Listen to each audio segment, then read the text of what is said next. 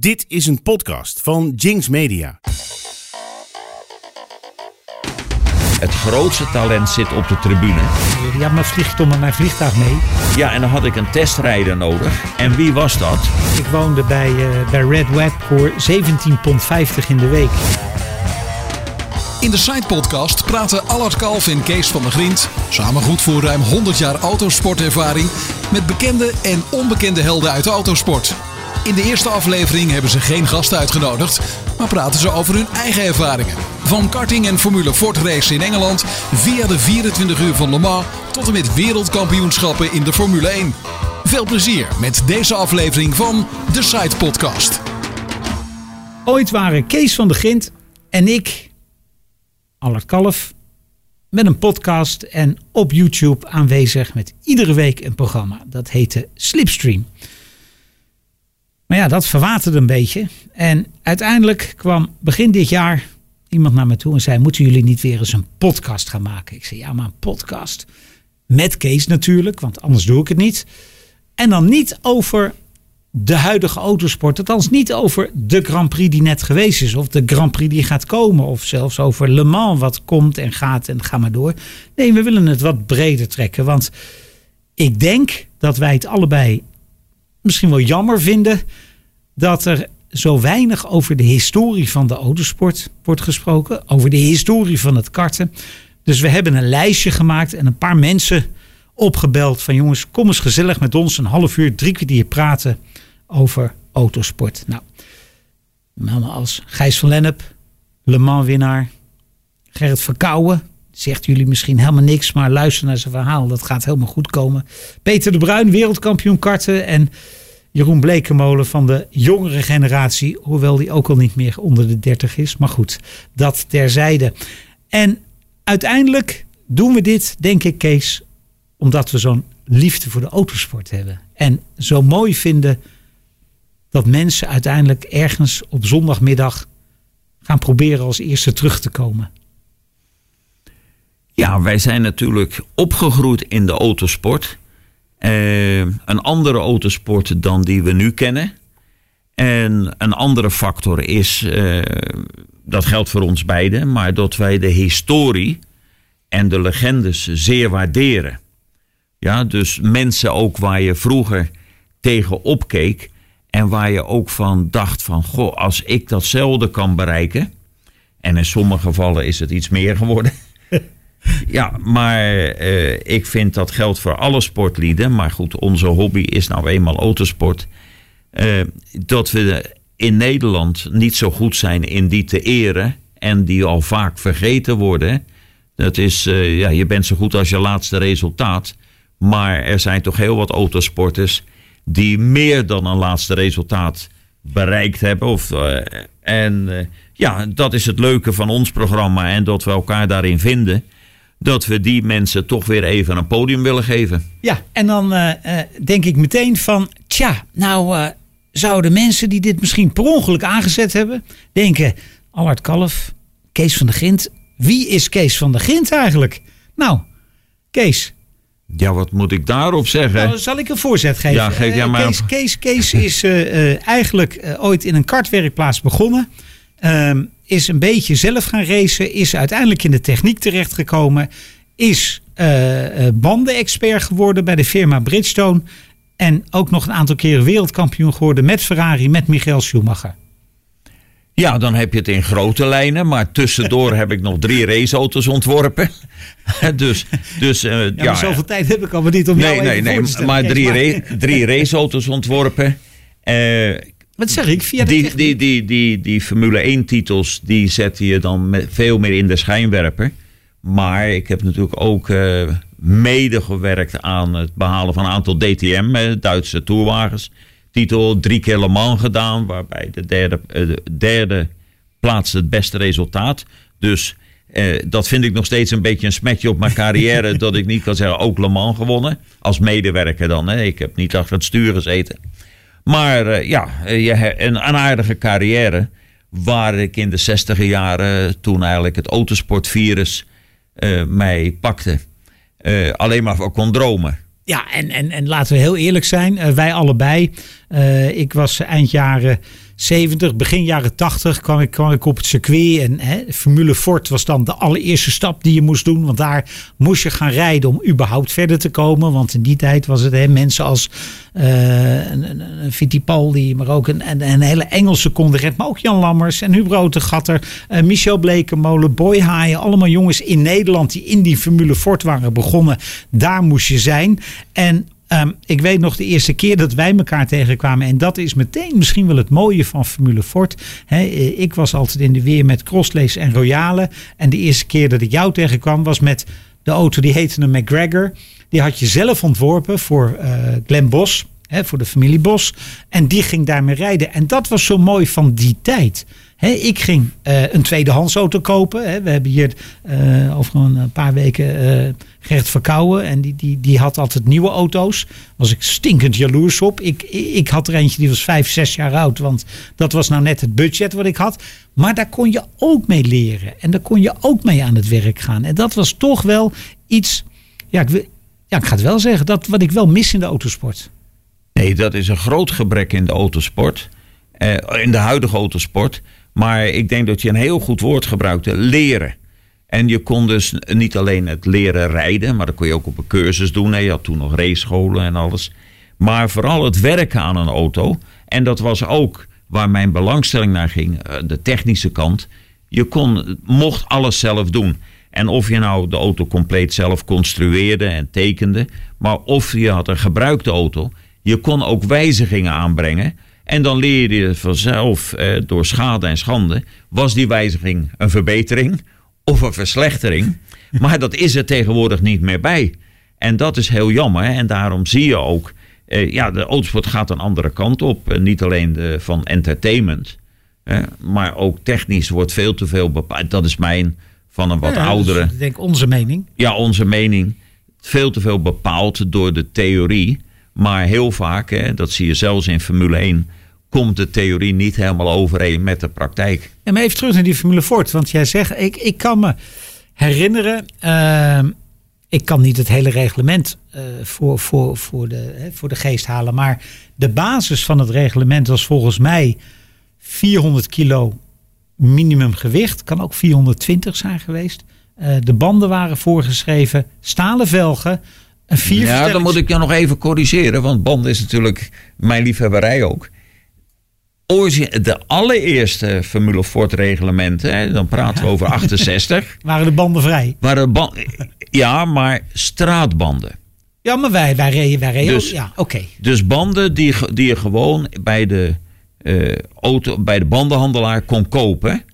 En dan uh, sorteerde het zich uit. Hè, dat heb je altijd. Hè. In de eerste races waren nog banden van Vredestein. Hè. Dat is nou niet echt een racemerk van Vredestein erbij. Nou, iedereen probeerde wat. Kleber. Precies, ja, dat is.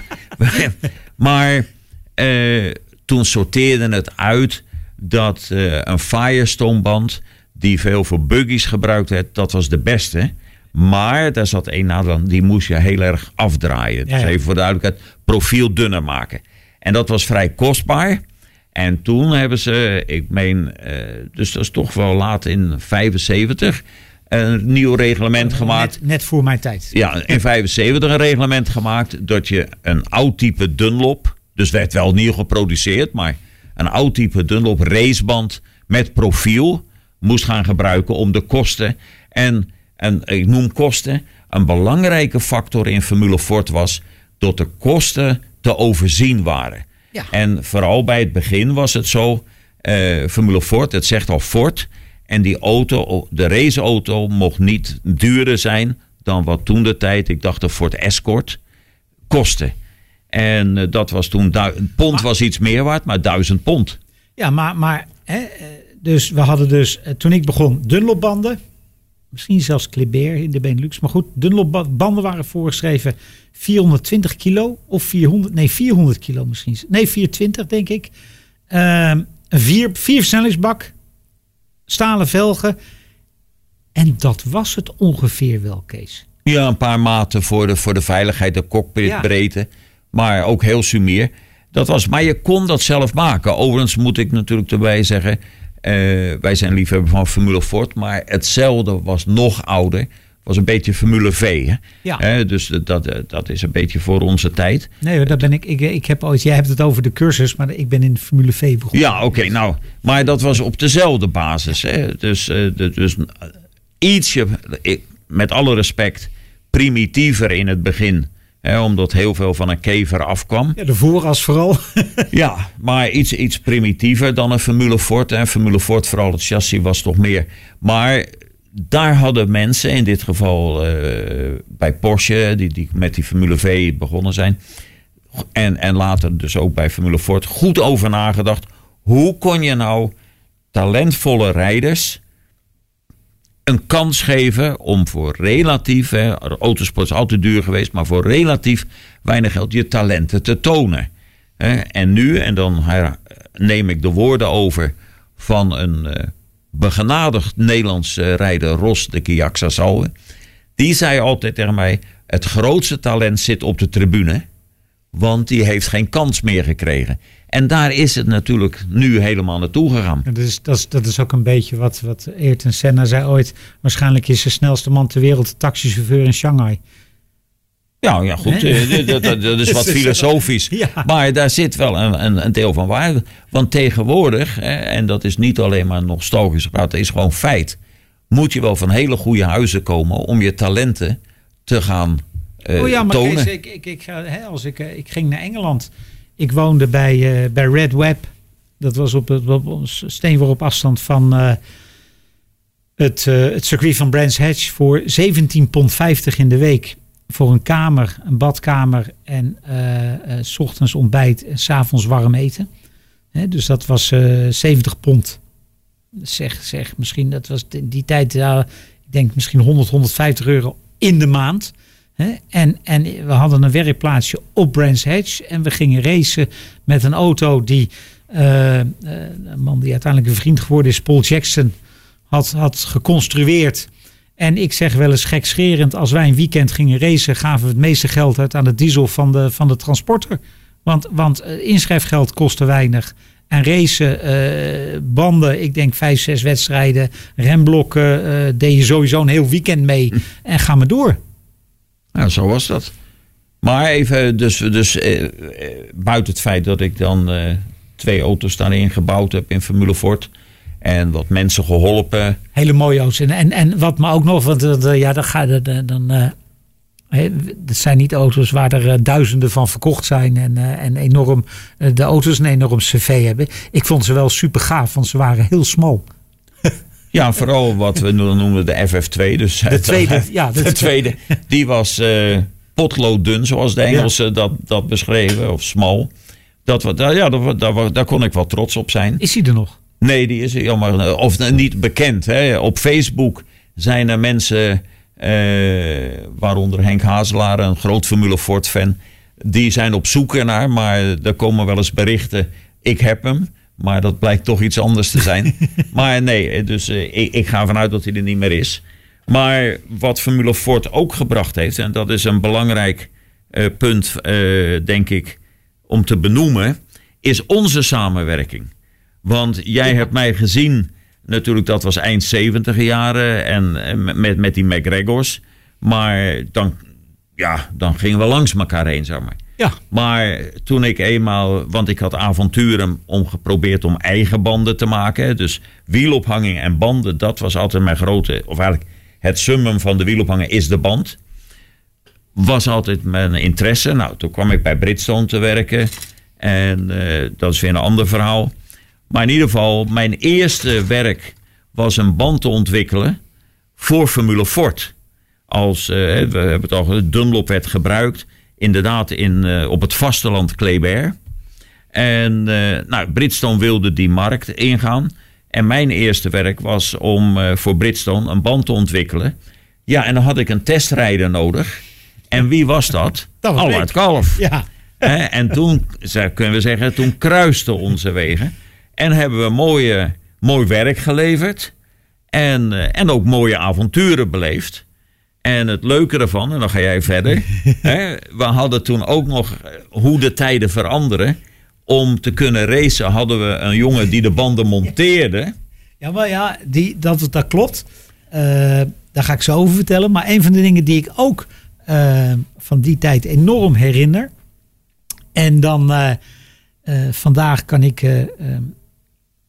ik moet bekennen, ik was vandaag een kwartiertje te laat. En dan moet ik Kees eens even een berichtje sturen van Kees, ik ben een kwartiertje later. En dat is, Kees is de moeilijkste om dat bij te doen. Want Kees is namelijk nooit te laat. En een van de dingen die mij bijgebleven is, is dat we op, het, eh, op Grand Tournoi waren.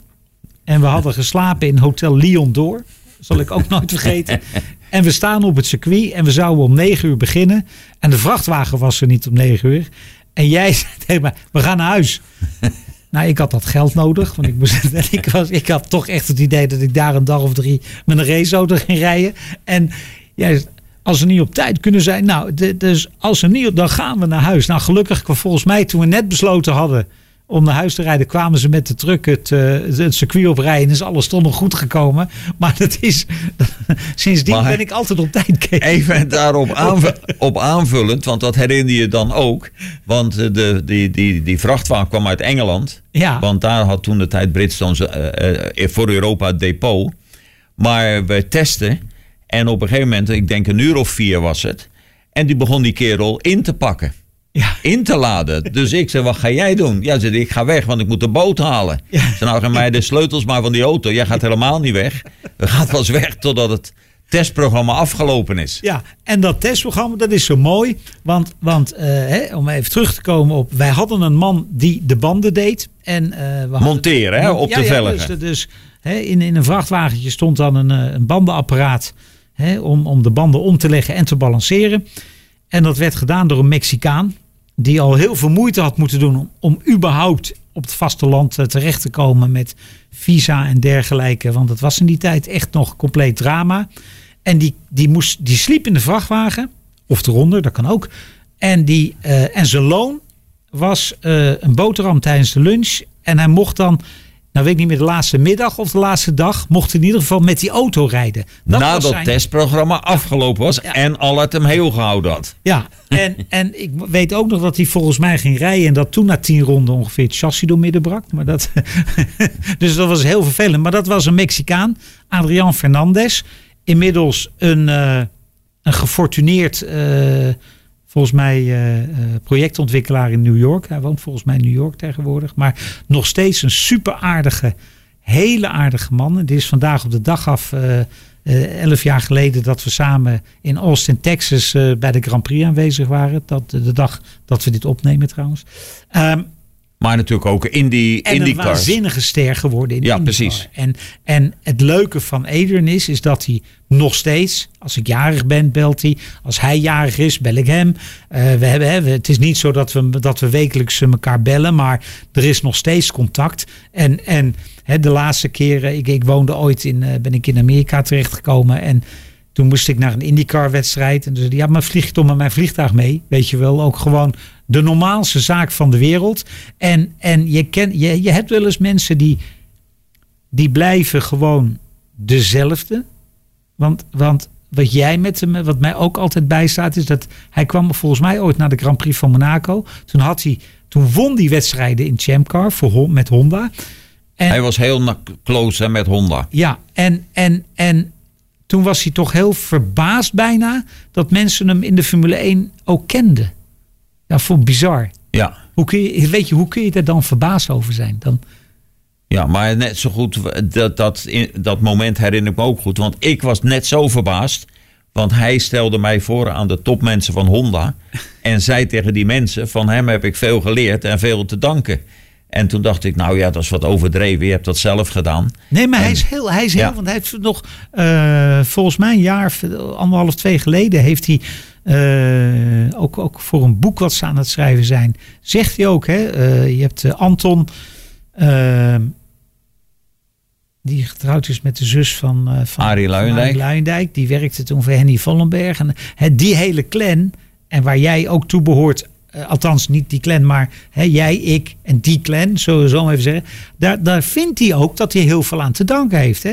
En we mogen in, in, in, in die clan ook Jeroen van de Ploeg even niet, eh, Ja. hè, ook te vroeg overleden. Hè? Want Jeroen, Jeroen van de Ploeg, die zei volgens mij van kom maar bij mij in de woonkamer slapen, want, eh, want hij had ook helemaal niks. En, en misschien is Adrian wel het mooie voorbeeld van iets wat toen kon, zonder geld vanuit Mexico naar Engeland of naar Europa komen en uiteindelijk een carrière in Champcar hebben.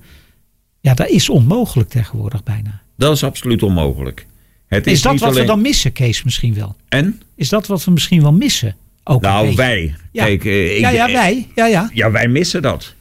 Wij missen dat. Maar eh, ik hoop in eh, latere afleveringen, wanneer we ook wat mensen uit de oudere garde hebben, dat je dat dan ook hoort, hè, hoe die begonnen zijn. En dat waren toch echt pioniers. En misschien wisten ze ook niet wat morgen zou geven.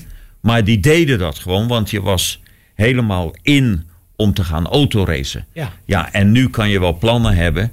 Maar het komt er nu toch eerst op aan eh, hoeveel geld je mee kan brengen. Ja, overigens, eh, overigens, we hebben het over autoracen. We mogen natuurlijk niet jouw hele karthistorie, die ook met Peter de Bruin nog wel even, eh, of nog heel lang aan bod komt, eh, mogen we in dat verhaal niet vergeten. Want Nou, zeker niet. Want ik vind het wel leuk dat je dat aanhaalt. Want natuurlijk, eh, laten we zeggen, tussen aanhalingstekens bekend ben je geworden vanwege de jaren bij Ferrari.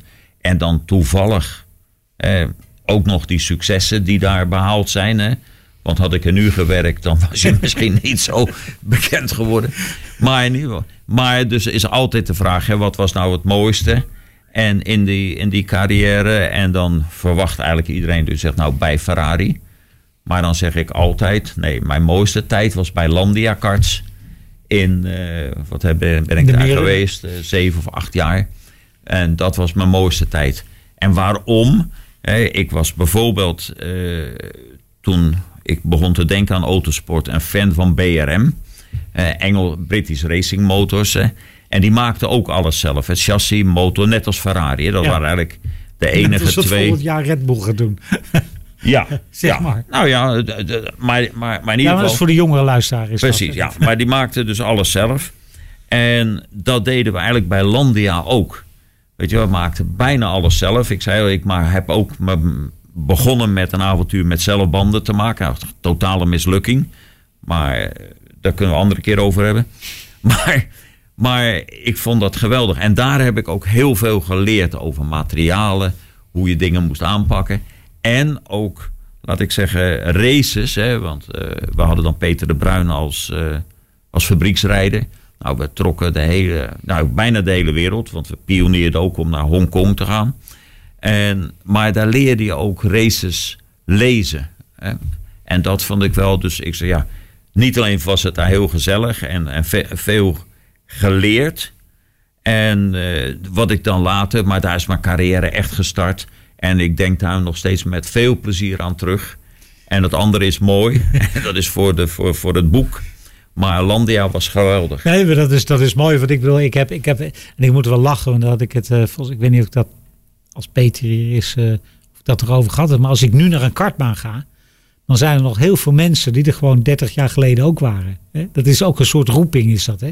Misschien is het wel hetzelfde als ik naar de motocross ga. Nou, maar er is ook een beetje een roeping. Want eh, later, hè, dus, eh, nou ja, we praten dan bij 80, dus pakweg eh 30 jaar later. Toen bij Ferrari raakte ik, ja, kan ik wel zeggen, goed bevriend met Jan Todt, toen de baas van Ferrari. En die werd later FIA-president. En die eh, had mij gezegd van, eh, wij moeten samen nog wat gaan doen. En die heeft me toen bij de FIA binnengehaald. Daar heb ik één jaar bij de FIA eh, met twee andere ex-Ferrari mensen, met Gilles Simon, de motorontwerper, in, een, in een groepje gezeten om de toekomst te bepalen van de autosport. Welke richting autosport naartoe zou moeten gaan. Na een jaar vroeg tot, goh, wat wil je doen? Die bood me een paar dingen aan. En toen zei ik, nee, als ik eh, echt een functie moet hebben, eh, dan wil ik wat terugdoen voor karting. Want daar ligt toch mijn hart, daar is het mee begonnen. Ja, En eh, daar wil ik ook wat voor terug doen. Dus toen ben ik, ik dacht acht jaar, acht of negen jaar, nog vicepresident geweest bij de FIA voor karting. Ja. En, en aan het enige wat ik, en dat, snel, dat ik nog altijd een keer vragen. Als ik een kartchassis kijk, hè, nu.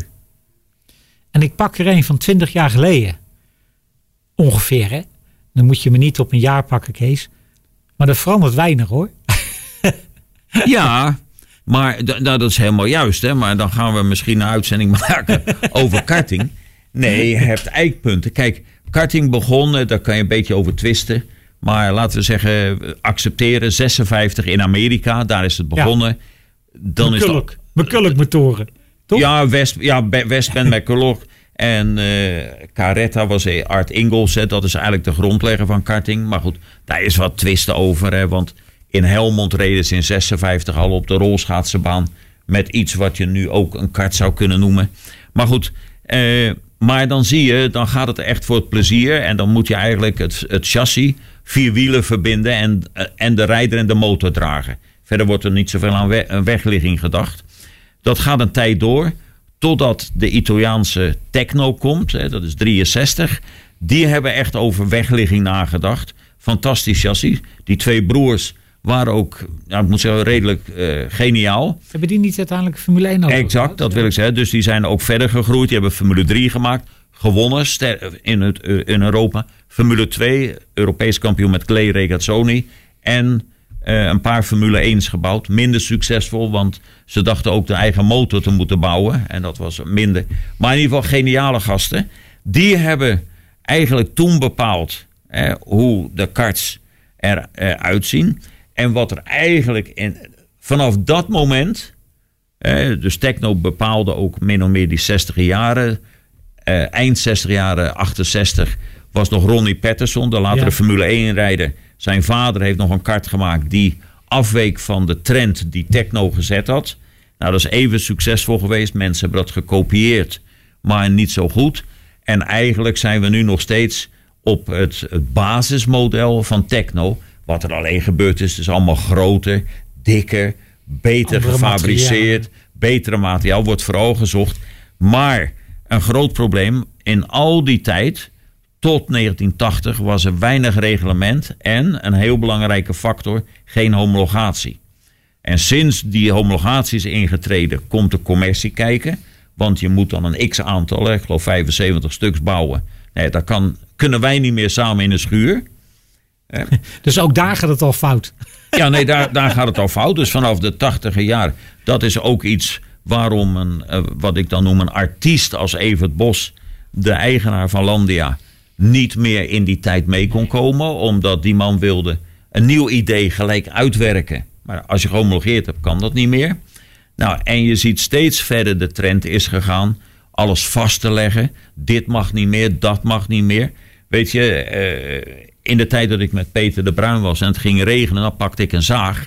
En dan zaagden we een stuk van een dwarspijp door. Dan werd het chassis wat flexibeler. Maar als je dat nu doet, word je gedisqualificeerd. Want het aantal buizen ligt vast. En als je er één doorzaakt, heb je niet één, maar twee buizen.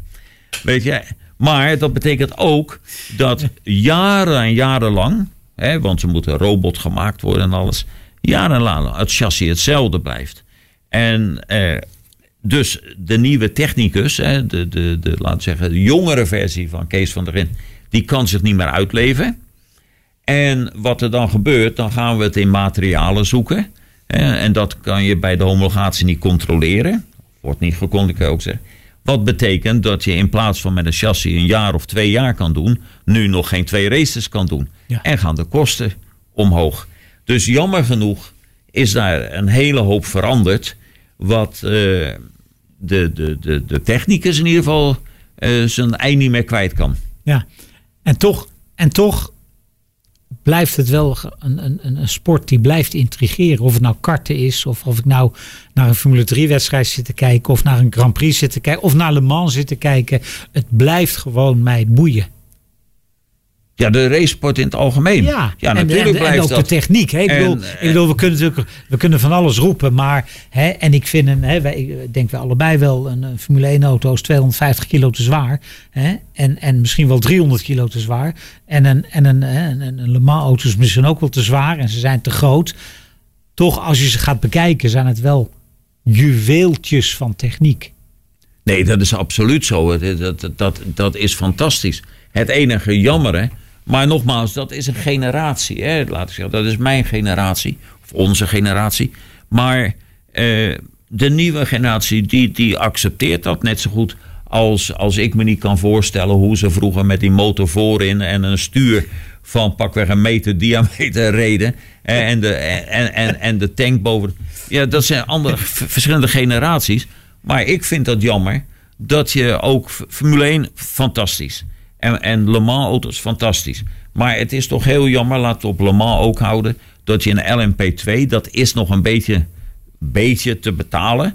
Maar dat je dan een auto moet kopen die al een, een voorgeschreven ontwerp heeft. Ja. Waarom kan je niet daar naartoe en, uh, en ook trouwens Nou Formule ja, 1? hey, het is nog, gaat nog veel verder, Kees. Je, mag, je, mag, hè, je moet dan rijden. Uiteindelijk rijdt iedereen met een Orica. Hè, want dat is de beste auto in, de- in de LMP2-klasse.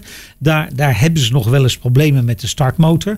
Maar wat, hè, en dan kun je heel simpel oplossen door een klein gaatje in het bodywork te maken. Waar, een, waar iets doorheen kan. Dan kun je een hamer op slaan. En dan doet de startmotor het weer. Als je dat doet, word je afgekeurd. Want dat mag niet, want dat is niet gehomologeerd in het bodywork.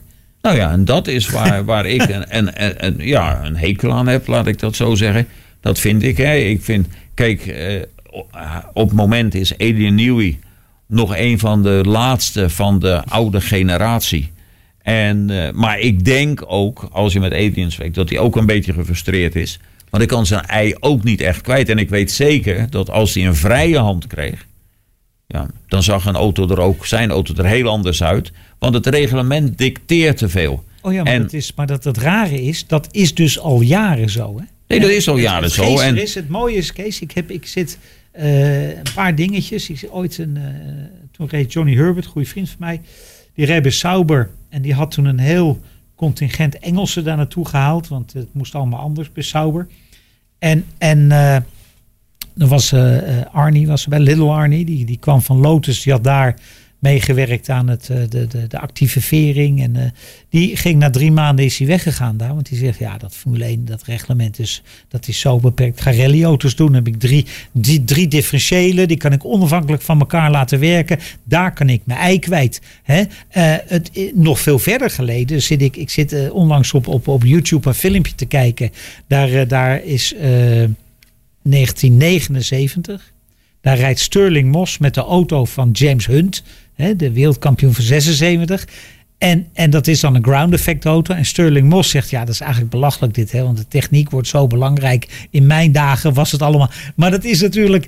Toen dachten ze hetzelfde over 30 jaar terug... dan dat wij nu waarschijnlijk over oh 30 ja, je weet, ik ben eh, erg gefascineerd door de Mercedes, maar vooral de auto-unions van voor de Tweede Wereldoorlog. Daar lees ik veel over, ga ik musea bezoeken, mensen bezoeken. Dus echt oude mensen die dat nog meegemaakt hebben. Ja, dat fascineert me. Maar als ik dan kijk wat die, en natuurlijk niet met computergestuurde machines, maar wat die allemaal gemaakt hebben en wat voor ideeën die hadden. En ja, dat is een beetje mijn, mijn passie. Dat je je, je ei kwijt kan. Hè? Dat je, je, je, de, en, en ik mis die genieën. Die zijn er wel, maar die worden eigenlijk de handen Ja, vastgehouden. beteugeld worden ze. Beteugeld. Maar we moeten nu niet, eh, anders hebben we alleen maar oude mannen nee. gekletst. En autosport is nog steeds fantastisch. En, dat zeg ik. en we moeten kan, ook. Ik kan van zo'n auto waanzinnig genieten. We hebben samen naar een, een Red Bull staan kijken waar de bodywork af was. Ja. Als ik zie hoe het gemaakt is en als ik zie hè, hoeveel eh, brandstof er verbruikt wordt, hoeveel vermogen eruit komt, eh, hoeveel eh, thermische efficiëntie, hè, hoeveel erin zit. Ja, daar kun je alleen maar petje voor afnemen. Nee, abs- abs- absoluut. Maar we moeten natuurlijk ook bedenken dat Formule 1, dat is, ja, kan je zeggen, de nummer 1 Champions League voor, voor de autosport. Maar autosport, het zegt al sport. Je moet je ook je plezier kunnen hebben. En zo is het net zo goed. Al die mensen, hè, dat zijn er veel, die op Zandvoort bij het DNRT rijden en gewoon schik hebben met een, met een oude, eh, weet ik Uit veel, wat? BMW'tje? BMW'tje, Opeltje. Die daar zijn. Dat is ook autosport. Ja. En, en, en dat is hartstikke leuk. En hoe meer mensen zich uitleek kunnen leven. En dan moet je maandag ook gewoon weer aan werk gaan. eh, Of naar school gaan of wat dan ook. En dan eh, heb je zondag eventjes je uitgeleefd. En daar kan je er ook lang over kletsen. Dus autosport blijft gewoon... Je moet er ook lang over kletsen. Want dat, Ja, de- de- de- Overigens zeg je ook altijd van ja, alles is al een keer uitgevonden, hè, zeg je altijd. Dan kan ik ooit herinneren dat mijn, mijn vader, die ging ooit karten. En die hadden al een Bryce kart en daar zat een vlinderstuurtje op. Ja. En dat, Nou, dat klopt. Ja. Ja, nou ja, dus, dus, dus, eh, het, het stuur is ook niet altijd, hè, was het rond. stuur is ook niet altijd rond geweest. Nee, dat, dat, dat klopt. Ja, een prijskar was een fantastische kart. Ja, Ja, een Oh. van de lichtste die er ooit gemaakt zijn. ja. overigens wel. En leg dan eventjes uit, eh, die werden gemaakt door John Bryce. Ja, Had twee zoons. De vader van, de, van Tony ook- Bryce. Dat is nou leuk, onze insteek. Ja, hè, de vader van Tony Bryce, die, eh, die eh, eh, overigens volgens mij uit Kent en, en de omgeving kwam. Swanley, ja, Kent, vlakbij Brands Hatch. Vlakbij Brands Hatch. Ehm, een enorme ster in Engeland, opgepikt door Graham Hill. Die zijn eigen, hè, de enige man die ooit een Triple Crown gewonnen heeft. Die zijn eigen Formule 1 team was begonnen.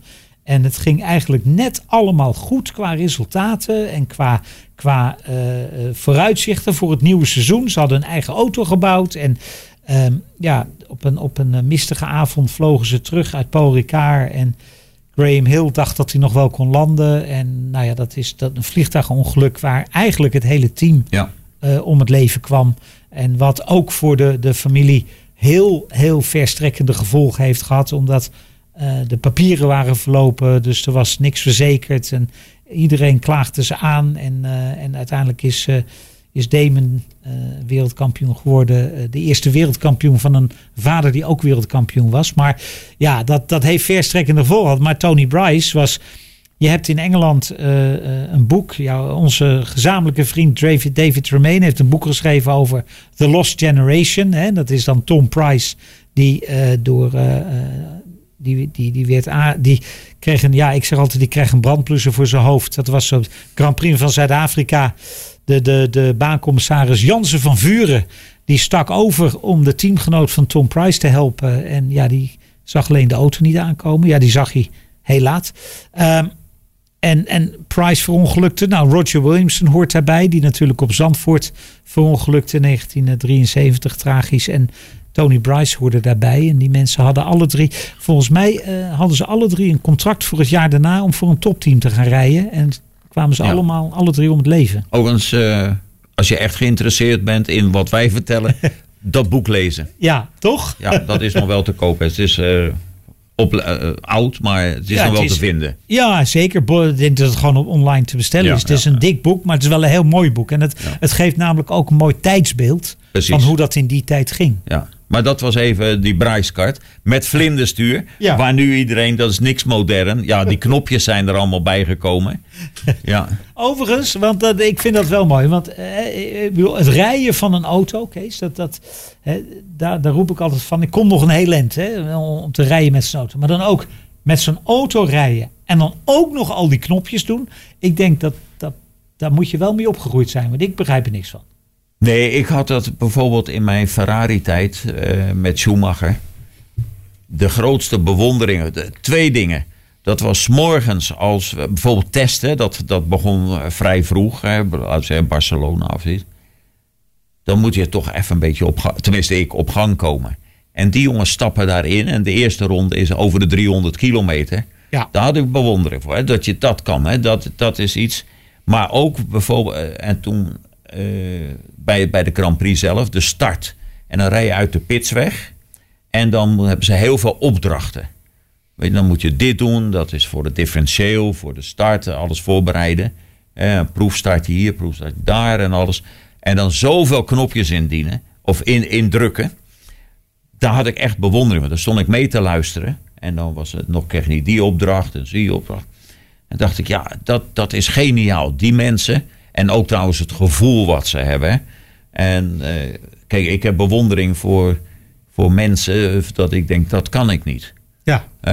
En, eh, en nou ja, dan dacht ik, oké, nu niet meer, maar vroeger dacht ik wel, ik kan wel redelijk aan het stuur draaien en gas geven. Maar deze zijn in die zin al die Formule 1 rijders en dan hoe hoog, hoe, hoe, meer je wint, nog beter. Dat ja, die zijn bovenaards. Dat maar kan ik niet. Nee, maar dat, en dat, is, dat is dan wel iets wat ik jammer vind. Is dat als ik vroeger keek als kind naar, naar, naar Formule 1 auto's of zelfs stoerwagens. Of, dan stond ik echt te denken van jeetje, wat zou het mooi zijn als ik dat toch zou kunnen. Zo'n auto bewoog en glee en, en deed van alles. Deze auto's, het ziet er zo strak uit. Dat als je niet beter zou weten, zou je bijna denken dat het makkelijk is. De- en dat is het niet. Hè? Dat is Nee, het- daar dat- vergis je in. Daar vergis je je Daar in, hè? vergis je in. En- en Kijk, dat- ze zijn ook zo goed. Die auto's hebben natuurlijk een geweldige wegligging. Maar ze zien er ook zo makkelijk uit omdat die rijders zo goed zijn. Ja, Maar heb je dat ook niet bij het voetballen? Als nee, je, dat, is, dat is helemaal waar. Helemaal waar. Weet je, als je, als, als je de superster ziet voetballen, dan denk je, god, dat is eigenlijk toch een makkelijke sport. Maar Cruijff zei dat al, hè. Het, het één keer aanraken is het moeilijkste wat er is. Ja, ik, ik vergelijk het wel eens met schaatsen. Hè. Als iemand, als iemand eh, eh, gewoon. Dat, dan, dan, dan heeft hij die twee armen op zijn rug en dan beweegt dat nauwelijks. En dan kijk je naar de tijden en dan denk je: hoe kan het? En dat is nou net. Hè, dan, dan, daar wordt het efficiënt van en dat is moeilijk. Maar eigenlijk daar zie je aan hoe, hoe makkelijker het lijkt, hoe moeilijker het is. Ja. En als het moeilijk lijkt, dan is het vaak uit onkunde. Ja, eh, een van de, van de redenen dat wij hierover praten, eh, lieve luisteraar ook, is dat, eh, dat er een hele generatie ja, Formule 1 liefhebbers, autosportliefhebbers, maar vooral Max Verstappen liefhebbers zijn. En, en ja, die willen we toch ook laten weten dat er een hele historie is voor Max Verstappen. Dat eh, niet alleen Jos eh, gereden heeft en alle andere mensen, maar we hebben in Nederland toch een heel aantal eh, Formule 1 mensen ik, ik, ik had hier heel graag met iemand als Huub Roter willen praten. Maar ja, jij hebt het geprobeerd. Nou, als Huub nee zegt tegen jou, dan zegt hij tegen iedereen nee. Dat vind ik wel jammer. En dat doet hij ook. En dat doet hij ook. Nee, dat doet hij ook. Maar, maar hè, eh, eh, ja, hij is er niet meer. Maar mensen als, als eh Karel Godin de Beaufort is natuurlijk hè, belangrijk geweest. Rob Slotemaker is belangrijk geweest. Allemaal namen uit het verleden. Maar we hebben als Nederland wel een, echt een historie in de autosport. Nou ja, Kijk je moet eigenlijk ook zo- Gijs, Gijs Verlenne, Jan Lammers, Arie Luijendijk. Ja. Om drie te noemen. Precies, maar je moet eigenlijk zo zien. Max schrijft nu geschiedenis. Ja, Eh, schrijft. Eh, tegenwoordige tijd. En we hebben een hele hoop Nederlanders die al geschreven hebben. ja. Nou, en die moeten niet vergeten worden. En laten we zeggen, dat is onze plicht om die voor het voetlicht te halen. Ja, overigens hoort Twan Heesemans misschien ook wel in dat rijtje. Want het is een hele markante man. Waarvan ik altijd. Ik, ik, Nou ja, ik omdat werk hij met niet- zijn zoon, hè, met Mike. En ik zeg. Ik zit naar, naar Twan's cv te kijken. En die heeft toch echt internationaal grote wedstrijden gewonnen. Twan, Twan is natuurlijk ook een wereldcoureur geweest. Alleen in gesloten auto's. En op, op dit moment telt eigenlijk de formulewagen. Maar als je kijkt wat die allemaal aan grote races gewonnen heeft. Ja, dan, dan, dan moet, mag je die nooit vergeten. Nee, maar. En toen zei ik tegen Mike. Waarom is, die, waarom is jouw vader eigenlijk opgehouden? Die was heel jong. Relatief jong dat hij stopte. Hij zei ja, had het zo druk met de zaak. en dat is dan ja, ook weer typisch Heesemans. Die dan gewoon op. Maar je hebt het over gesloten auto's. En in, in, in dat kader, hè, Jan en Gijs eh, natuurlijk eh, met, met de sportscars. Eh Arie die ook met sportscars in Amerika veel gewonnen heeft. Maar ook jongens Peter Cox. Die, eh, die eh, zo eh, heel veel gewonnen heeft. Jeroen Blekemolen, waar we mee gaan spreken. Die toch ook met sportscars succesvol is over de hele wereld. Als we heden te dagen kijken, is het mensen als Robin eh Tijmen van der Helm, Job van Uitert, Nick Katsburg. Ehm, als je zo even doorgaat, Kees, kunnen we bijna zeggen dat we best een autosportnatie zijn in Nederland. Hè? Ja, dat is gek, hè? Want we zijn relatief natuurlijk een klein land. Eh, we hebben hier ook onze beperkingen met, met, met, het aantal circuits. En ja, dat is zo. En, en dat begint al in karting. Met want- René Lammers dit jaar, die Ja. Europees kampioen wordt. Nee, dat, ja, dat begint al in karting. Want als je ziet hoeveel Nederlanders. eh, eh, neem ik alleen maar bijvoorbeeld wereldtitels in karting behaald hebben. En dan moet je je voorstellen, Duitsland, zo'n groot land, nog nooit. Nog nooit. Dit jaar was er eentje dichtbij, maar het is weer niet gelukt. Je, nee, maar daar kunnen we echt trots op zijn. En, en lange tijd heeft het natuurlijk eraan geschort dat uit karting, hè, daar komt ook Hezemans te worden. Was ooit derde bij de WK. En eh, mannen als, als Boshuis, Staalduin, hè, dan gaan we even heel lang terug in de tijd. Maar dan schortte het er vaak bij ons aan om dan verder in de autosport te komen. En, en enkeling is, dat, is dat wel gelukt, maar vaak bleef je dan toch nationaal. En dan werd er ook gezegd van, eh, ja, Nederland is te klein en eh, al dat soort dingen om, een sponsor. Maar echt talent breekt toch door. Nou, en jij hebt er al een aantal genoemd. En wij zijn toch wel een land, en zeker in verhouding, die, eh, die heel veel grote autosporters in verschillende disciplines heeft voortgebracht. Ja, en dan om, om af te sluiten, deze eerste aflevering. Ehm, ik, eh, ik kan enorm genieten van eh, vanaf de, de allereerste Grand Prix die hij reed, of eigenlijk daarvoor al, maar ik kan enorm genieten van Max Verstappen. Eh, ik vind het mooi dat hij nog steeds dezelfde rustige Max Verstappen is die we, die we kenden toen hij kartte en Formule 3 reed. En dat is eigenlijk in de basis is er, is er weinig veranderd eh, aan die jongen. Spreekt nog steeds met zijn hart. En als hij, als hij ergens niet mee eens is, dan, eh, dan, dan laat hij dat ook gewoon eh, weten. Meestal op vrij subtiele wijze, maar dat vind ik wel mooi. En, en ik hou ervan, ik hou ervan hoe die verdedigt. Ik hou ervan hoe die aanvalt. Ehm, ik hou ervan hoe die, hoe die half Nederland in vuur en vlam zet. En eh, dan denk ik, ja, dat is toch weer mooi onze sport. Ik hou ervan dat hij in zijn eentje met een beetje hulp van eh, Bernard eh, ervoor zorgt dat de Grand Prix van Nederland gewoon uitverkocht is. Ja, dat is uniek en dan ben ik blij, toch, dat ik het mee mag maken. Nou, we leven natuurlijk in een geweldige tijd. Zeker voor Nederlandse autosport, maar ook wel in het algemeen. En dat je dat mee mag maken als liefhebber is geweldig. En ik denk nog eventjes over een paar woorden die je hiervoor sprak.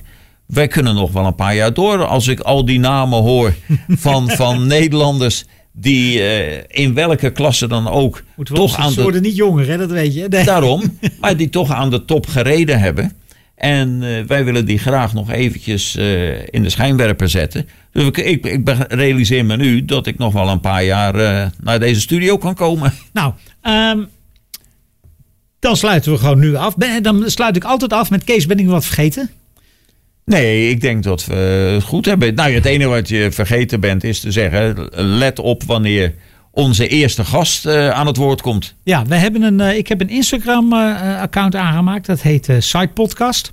Eh Side Podcast Online is het eh, officieel. Daar zullen we ook de informatie op zetten. Eh, ik zal het via alle social media kanalen proberen te promoten. Maar let op wanneer we online komen. Als je vragen hebt, doe dat dan via ons mijn eh side podcast Instagram. Dat is misschien het makkelijkste. En eh, als het leuk is, maken we er volgend jaar gewoon een stuk of tien. En dan gaan we ermee door. Maar we gaan eerst deze maand met eh, Peter de Bruin, Gijs van Lennep, Gerrit Verkouwen en Jeroen Blekemolen. En dat vind ik een hele mooie om eh, de winter mee door te komen. En misschien maken we nog een extra met een verrassing. Maar dat blijft dan een verrassing. Voor nu, bedankt voor het luisteren. Dank voor het luisteren naar de Site Podcast. Vond u het leuk? Zegt het voort via alle social media kanalen. Tot de volgende keer.